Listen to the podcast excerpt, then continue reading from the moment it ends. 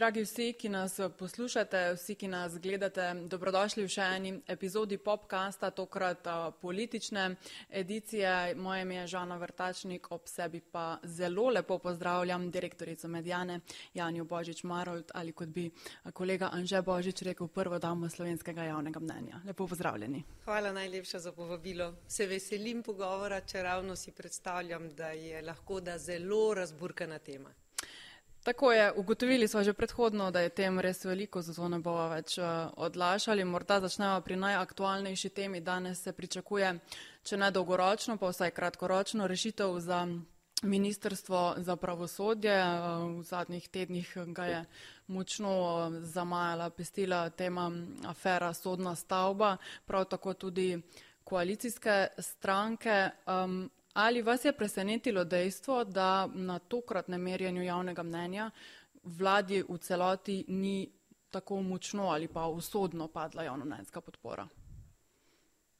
Glede, mi na rezultate naših raziskav, v katere seveda verjamemo vsi na medijani in tudi splošna javnost v Sloveniji, gledamo vedno z zadržkom in se bolj ukvarjamo z metodo in s podatki, kot s končnim rezultatom, ki je v prid ali v minus komorkoli. Dejstvo pa je, da imate prav, da je dejansko se zdaj zaustavila podpora vladi pri 30 odstotkih, medtem ko je najslabši rezultat v bližnji preteklosti, bi smo zasledili pri vladi Mira Cerarja, je, ki je imela samo še 25 odstotno podporo, se pravi strinjanje s tem, da vlada dela dobro. Torej, lahko lahko obstajajo možnosti za še nižji rezultat, pri čemer bi se moralo res kaj velikega zgoditi ali pa trend, ki se je začel s padanjem, bi se lahko postopoma še nadaljeval.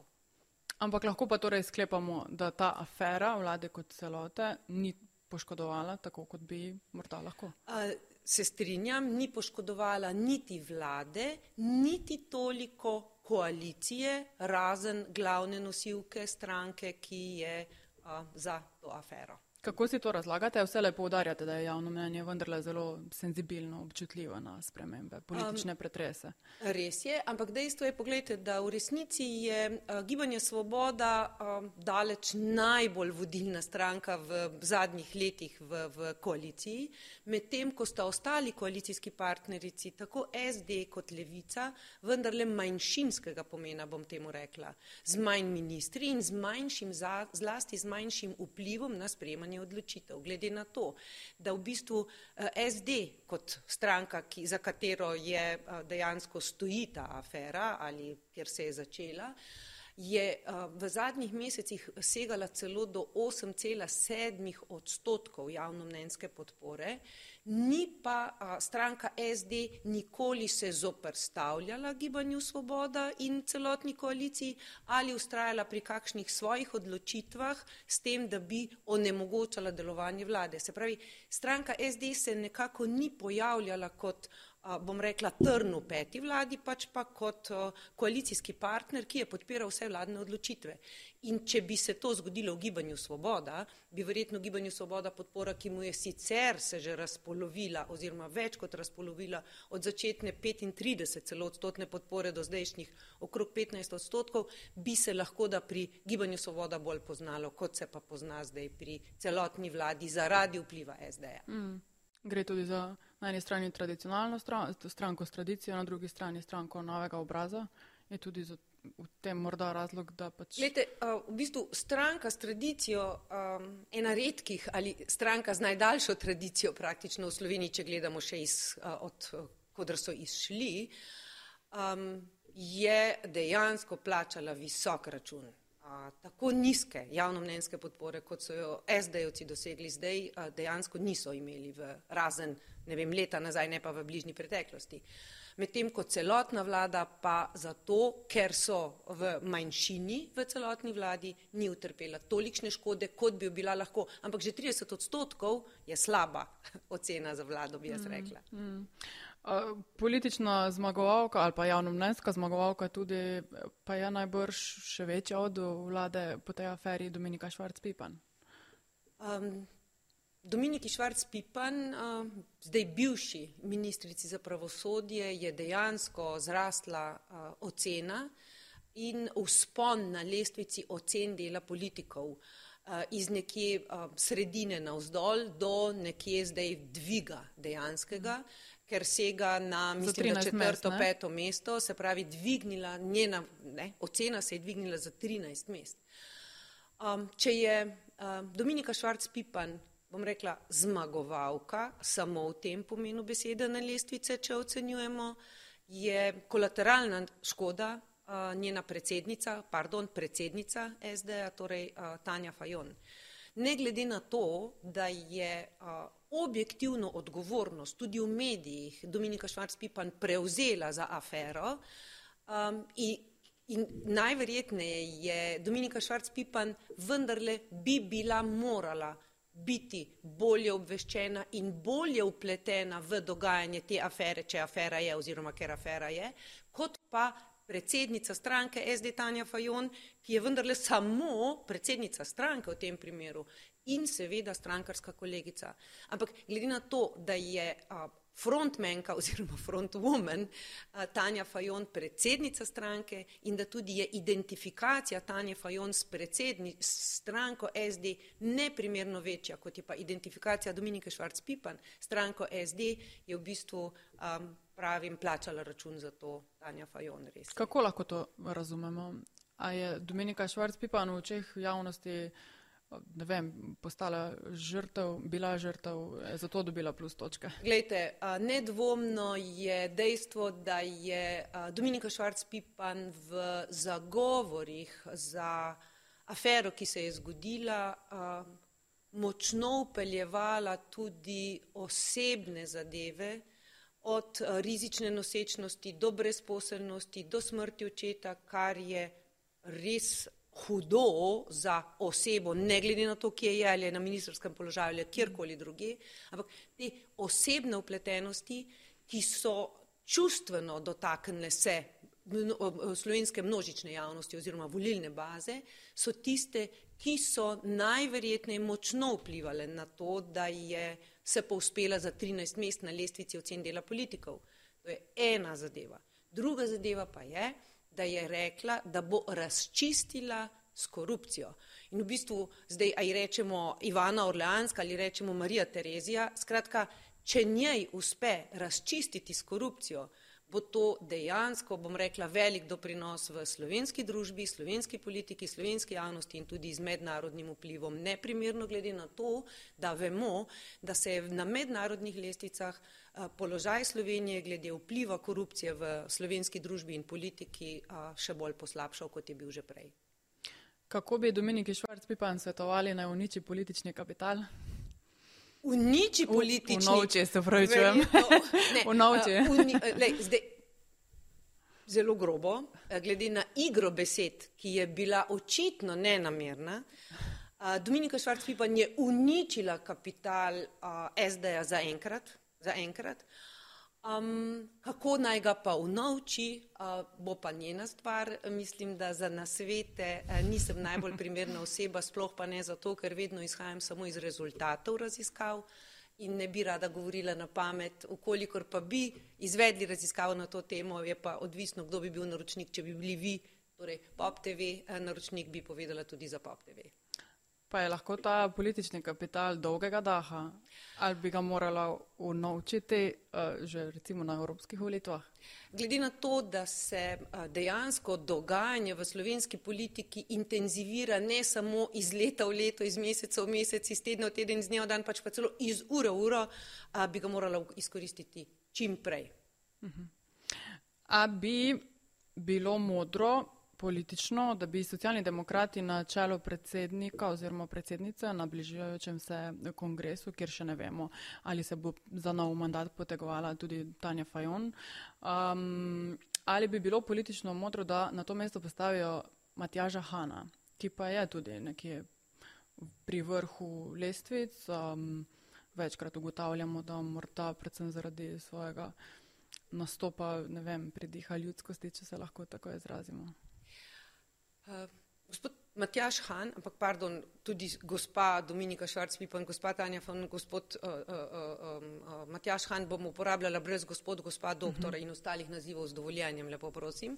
Skratka, Matjaš Han se je v, zadnjih, v zadnjem letu dni pojavljal na tretjem, na drugem, celo blizu prvega mesta po ocenah dela politikov. Dejstvo je, da je dejansko, bom rekla, intenzivno upleten ne samo v, politiko, v gospodarsko in politiko športa, kar vodi na ministerstvu, pač pa ja, je rad tudi med ljudmi in to ne samo med ljudmi na ulici, ampak med ljudmi na različnih prireditvah, vsaj moram reči, da na prireditvah, ki jih organizirajo gospodarske zbornice, Združenje menedžer, slovenski a, poslovni klub in tako naprej, je on eden izmed bolj rednih in stalnih gostov. Se pravi, tam ne samo nastopi z piedestala, pač pa tudi se pogovarja in tudi prisluhne ljudem. Torej, dejstvo je, da um, po ocenah dosedanjih iz javnomnenjskih raziskav ima močan politični kapital ta hip, ki si ga pa je pridobil s to, vi rečete, ljudskost, jaz rečem, z vse prisotnostjo na najvišjih in tudi nižjih, bom rekla, mestih, hkrati pa je politik dolgega daha, mm je politik s tradicijo in je politik, ki zna biti politik. Um, moje mnenje namreč je, in lahko da se boste z mano tudi strinjali, da tudi politika je posebna obrt, eni rečejo celo posebna znanost in da tudi politike si ne more iti vsakdo. Absolut. Kar se pa izkazuje, bom rekla, iz generacije v generacijo oziroma iz mandata v mandat. Mm, absolutno e, se strinjam. Je pa tudi res, da če želijo socialni demokrati v neko novo obdobje, Matjaš Han je že dolga leta sinonim za socialne demokrate. Um, je pa tudi res, da imajo socialni demokrati močan, bom rekla, podmladek, ki očitno a, ni imun a, na ideje in želje po zasedanju višjih mest in po možnosti ne samo soodločanja, ampak celo odločanja v strankah SD-ja. Glede na to, da je to stranka z dolgoletno tradicijo in da je v bistvu njeno jedro vendarle bilo v starejši populaciji, bi lahko vključevanje mladih ali vsaj srednje generacije bilo tisto, ki bi morda z drugimi pogledi, z, no, pač z, bom rekla, z uveljavljanjem socialne politike, kar zdajšnji, zdajšnji VD tajnik SD-ja javno, glasno poudarja, lahko da se tudi pridobili in razširili z obstoječih šestih, sedmih, osmih odstotkov. Kako pomembne bodo za nje evropske volitve in merjanje?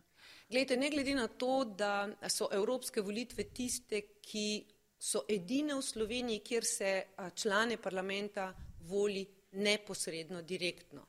Ne glede na to, da so doslej bile udeležbe na evropskih volitvah v Sloveniji izjemno nizke, tretje najniže v Evropski uniji, ne glede na to, da nekateri pravijo, da evropske volitve niso toliko pomembne, jih v resnici vsaka politična stranka jemlje izjemno resno um, in se tudi z evropskimi volitvami preštevajo v slovenski javnosti, če tudi bi lahko bila udeležba, bom rekla, polovico manjša, najmanj polovico manjša, kot je bila na zadnjih parlamentarnih volitvah. Skratka, evropske volitve a, so drugačne od naših parlamentarnih, naših občinskih, a, naših predsednikov podobne našim predsedniškim, bom rekla, ampak za stranke so zelo pomembne. Kolikšno udeležbo pričakujete? Težko rečem, ker mi na to temo še nismo delali raziskav. Um, lahko bi pa rekla, da je odvisno seveda od večjih dejavnikov. Če je še do nedavna kazalo, da bi lahko zaradi vključevanja mladih, ki so izkazali ogromno podporo tudi v, v, v, na zadnjih parlamentarnih volitvah, bila udeležba večja, tudi zato, ker so kampanje na družbenih omrežjih, se je, kot veste, kaj zgodilo na zadnje. V Evropskem parlamentu so izdali, uh, izdali brošuro, na kateri ni bilo Slovenije in to bi lahko ne samo mladi, ampak tudi kakšen od uh, starejših potencijalnih voljivcev vzel kot veliko zamero in bi s tem, uh, ko se ne bi odeležil, zadal klofuto Eh, na nek način Evropske unije. Po drugi strani smo pa ravno kar izvedli raziskavo na medijani, v kateri smo spraševali, eh, če menijo, da obstaja možnost, da bi Evropska unija v naslednjih 20 letih razpadla.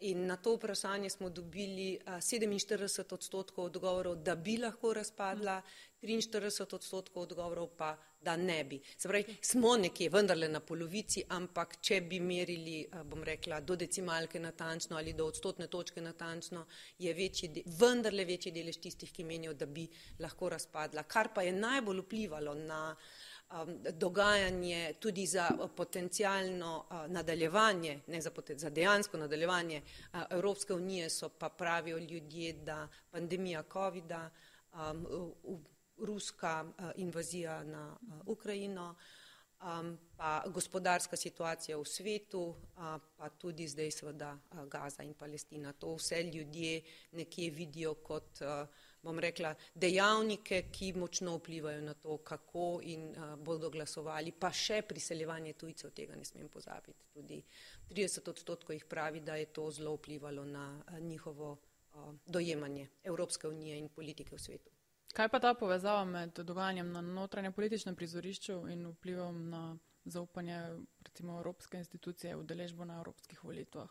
Mm. To politično brbotanje na naših tleh, afere, vpliva na privlačnost tudi evropskih volitev? Ja, seveda. Ja, seveda. Mislim, tu ne gre za ljudje, ne ločijo v glavah, nimajo predalčkov politika ta, politika ona. Uh, pač pa se to ponavadi nekje najde na nekem skupnem stičišču in se potem bolj čustveno kot pa racionalno odločajo. Je pa res, da jih kar 40 odstotkov danes zasledimo volilnega telesa, ki ne daje glasu nobeni stranki v parlamentar, na parlamentarnih volitvah, medtem ko če bi gledali pa evropske volitve, je pa teh nekje 35 odstotkov vendarle manj. Je pa seveda tudi odvisno, kdaj, kdo bi še nastopil na evropskih volitvah. Mi smo pred dobrim mesecem dni, ampak to so zastareli podatki, vendar jih pa velja omeniti, preizkušali tudi možnosti vključevanja, pa je potem zanikal logarja na evropskih volitvah, pa prebiliča na evropskih mhm. volitvah. -huh. Um, no in ne glede na to, da smo vključili uh, njuni in tudi Ruparja, pardon, vse tri, uh, njihove stranke kot potencijalne odrežbe na evropskih volitvah je okrog 35 odstotkov še vedno odgovarjalo, da se ne more odločiti za nobeno izmed njih ali da, se, uh, da jih to ne zanima. Hmm, kar velik delež. Ja. Um, skratka, rekli smo, dogaja se veliko, stvari se spreminjajo. Uh, ponedeljek je, uh, ura je pol dve, lahko da bo čez kakšno uro že znano novo ministersko ime. Um, dogajajo se zdravniška stavka, napovedi interpelacij in tako naprej. Premije se oglaša bistveno manj, kot se je v začetku mandata, napoveduje bistveno manj. Mislim, da smo ga po nekaj časa slišali v petek na zdravstveno temo.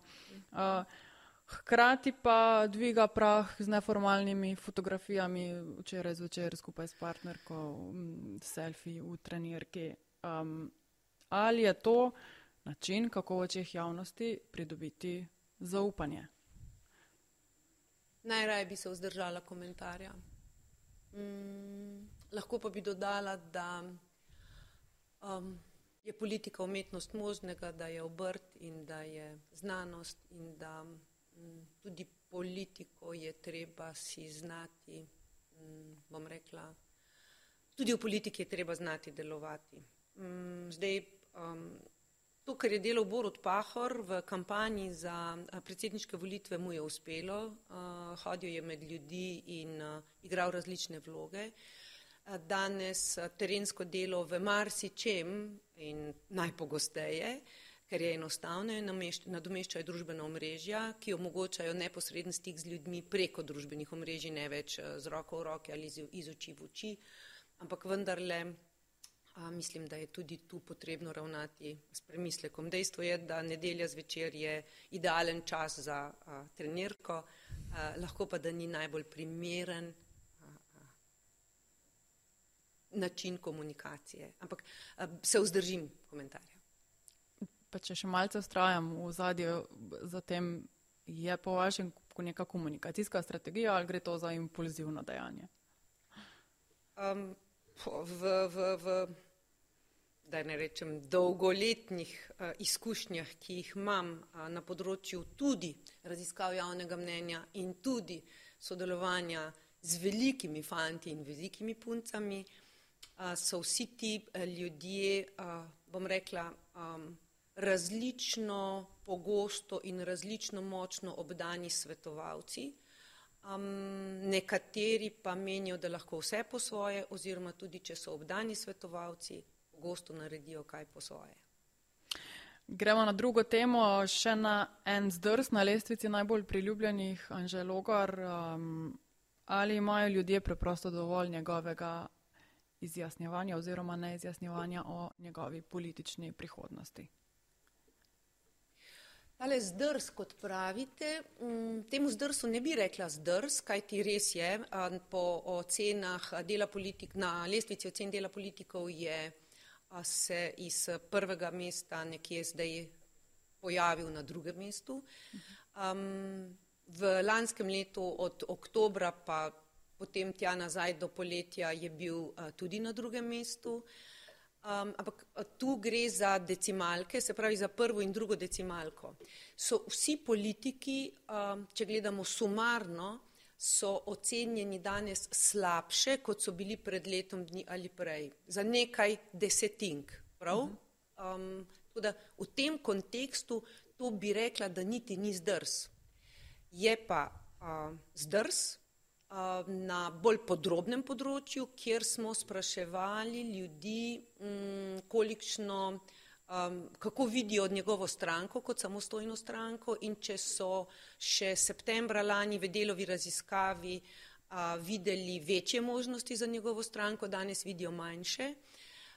In če smo tedaj spraševali po, njegovi, za, po njegovem osebnem uspehu izven SDS-a, je ta zdrs znašal več, skoraj deset odstotnih točk. Tako da morda sem ravno tu iskala usporednico med izkoriščanjem kapitala. No. Dejstvo je, da čas je tu ni na strani izkoriščanja kapitala, ki ga človek pridobi bodi si s svojim delom in posledično v javnem mnenju ali celo na, na volitvah, kot ga je a, pridobil velik kapital logar na predsedniških volitvah. Mm. Zdaj, ne, na eni strani mu mnogi učitajo, da se ne izjasni o svojem političnem projektu, na drugi strani pa vendarle nekateri ugotavljajo, da bi bilo preuranjeno um, zdaj nastopiti v javnosti, razgrniti svoje načrte, ko vendarle kaže, da predčasnih volitev še ne bo na evropske, pravi, da ne gre. Um, in bi samo nekako dal priložnost za pa dejanski zdrs z uh mhm. -huh. nekimi opredelitvami, ki ne bi bile všečne javnosti. Ne. Z aktivnostmi in tako. Ja. Zdaj, uh, izkoristil bi kapital, če bi se umaknil iz javnosti in z izdela politike in se potem pojavil kot, bom rekla, so se dosedajni novi obrazi, ampak dejansko je kapital težko, težko, lahko, ne lahko. Dejstvo je, da je njemu težje z močnim kapitalom ga ohraniti, to se dogaja sicer tudi na trgu z vsemi, bom rekla, znamkami ali pa z vsemi storitvami, da je praktično težje ohraniti položaj, kot pa ga doseči. Tako da a, njemu a, ta čas, ki ga je, v bistvu je ta čas zapravil, no? zapravil, evo, ta čas je zapravil za svoj kap, s kapitalom, ki ga je prinesel iz predsedniških volitev. Za enkrat mu kaže, še vedno dobro, še vedno več kot 30 odstotkov ljudi meni, da bi njegova stranka lahko uspela na volitvah. Ampak um, ali, v, ali bi lahko uspel izven SD, SDS-a, pa je za 10 odstotnih točk padel od septembra lani iz uh, delove raziskave. Pričakujete, da bo to plahnelo? Um, glede, gledajte, um, vse je odvisno tudi od um, tega, ali se mu bo zdaj bom rekla, ali podtikalo, ali a, napovedovalo, ali ga opredeljevalo kot a, Janševega, bom rekla, a, a, potrčka, uh -huh. a, ali a, se bo uspel a, dejansko spozicionirati kot a, samostojen a, a, desno-sredinski kandidat, ki to, kar je začel obljubljati na predsedniških volitvah, želi povezati dejansko sredino in jo razširiti, je odvisno od njegovih aktivnosti, bi rekla. Od platforme in od njega, predvsem od njega osebno, ne toliko od vseh ostalih členov, ne glede na to, da so znani, vidni člani v, v, v, v platformi iz različnih stran. In ali ga bodo presedli v parlamentarnih klopeh, kot je slišati, da je um, No, tega še, nisem, aha, tega še nisem slišala, sem pa uh, uh, se zasledila objave v medijih, da so vsi trije uh, niso podpisali izjave. Mm. Jaz zdi se, da ga predsednik stranke SDS nekako poskuša, poskuša prisiliti v, ja. v neko odločitev. odločitev. Mislim, ta neka odločitev, se spomnite njegove predsedniške kampanje, ta neka njegova odločitev je bila prečakovana tudi strani novinarjev in strani javnosti. Ne? Njegova glavna značilnost doslej je bila, da se ni opredelil ne, ta odločitev. Ampak, če bi si dejansko odločil za samostojno stranko, bi, se, bi bil čas, da bi se opredelil. Ampak zaenkrat ne kaže teh, vsaj v javnosti ni bilo zaznati teh aktivnosti. Mm. Uh, gospod Janez Janša vleče usporednice med Gregorjem Virantom, pravi, da je to takšen števil, uh, projekt številka dve. Uh, vidite mm -hmm. vi uh, te usporednice med njima in med uh, njunima javnomnenjskima podobama? Mm -hmm.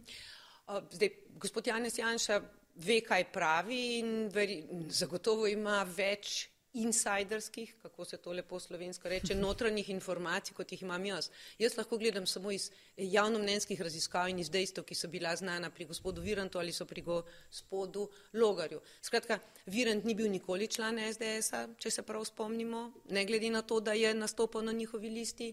Virant ni nikoli a, nastopal neposredno na volitvah, kot je zdaj Logar. Logar je član SDS-a, tako da jaz tu sporednic nekako iz raziskav in iz dejstev, ki sem jih omenila, ne vidim direktnih. Eh, kaj pa ta razmislek v SDS eh, naj bi šef stranke naj bi neuradno um, razmišljal um, v povezavi s tem hitenjem ali pa zavlačevanjem gospoda Logarja, da obstaja nek um, utemeljen strah, da mu bo tisti, ki se bo pojavil pred njim na političnem prizorišču, um, recimo gospod Prebilič, ki odhaja na uh, evropske volitve, pobral te neopredeljene um, voljivce.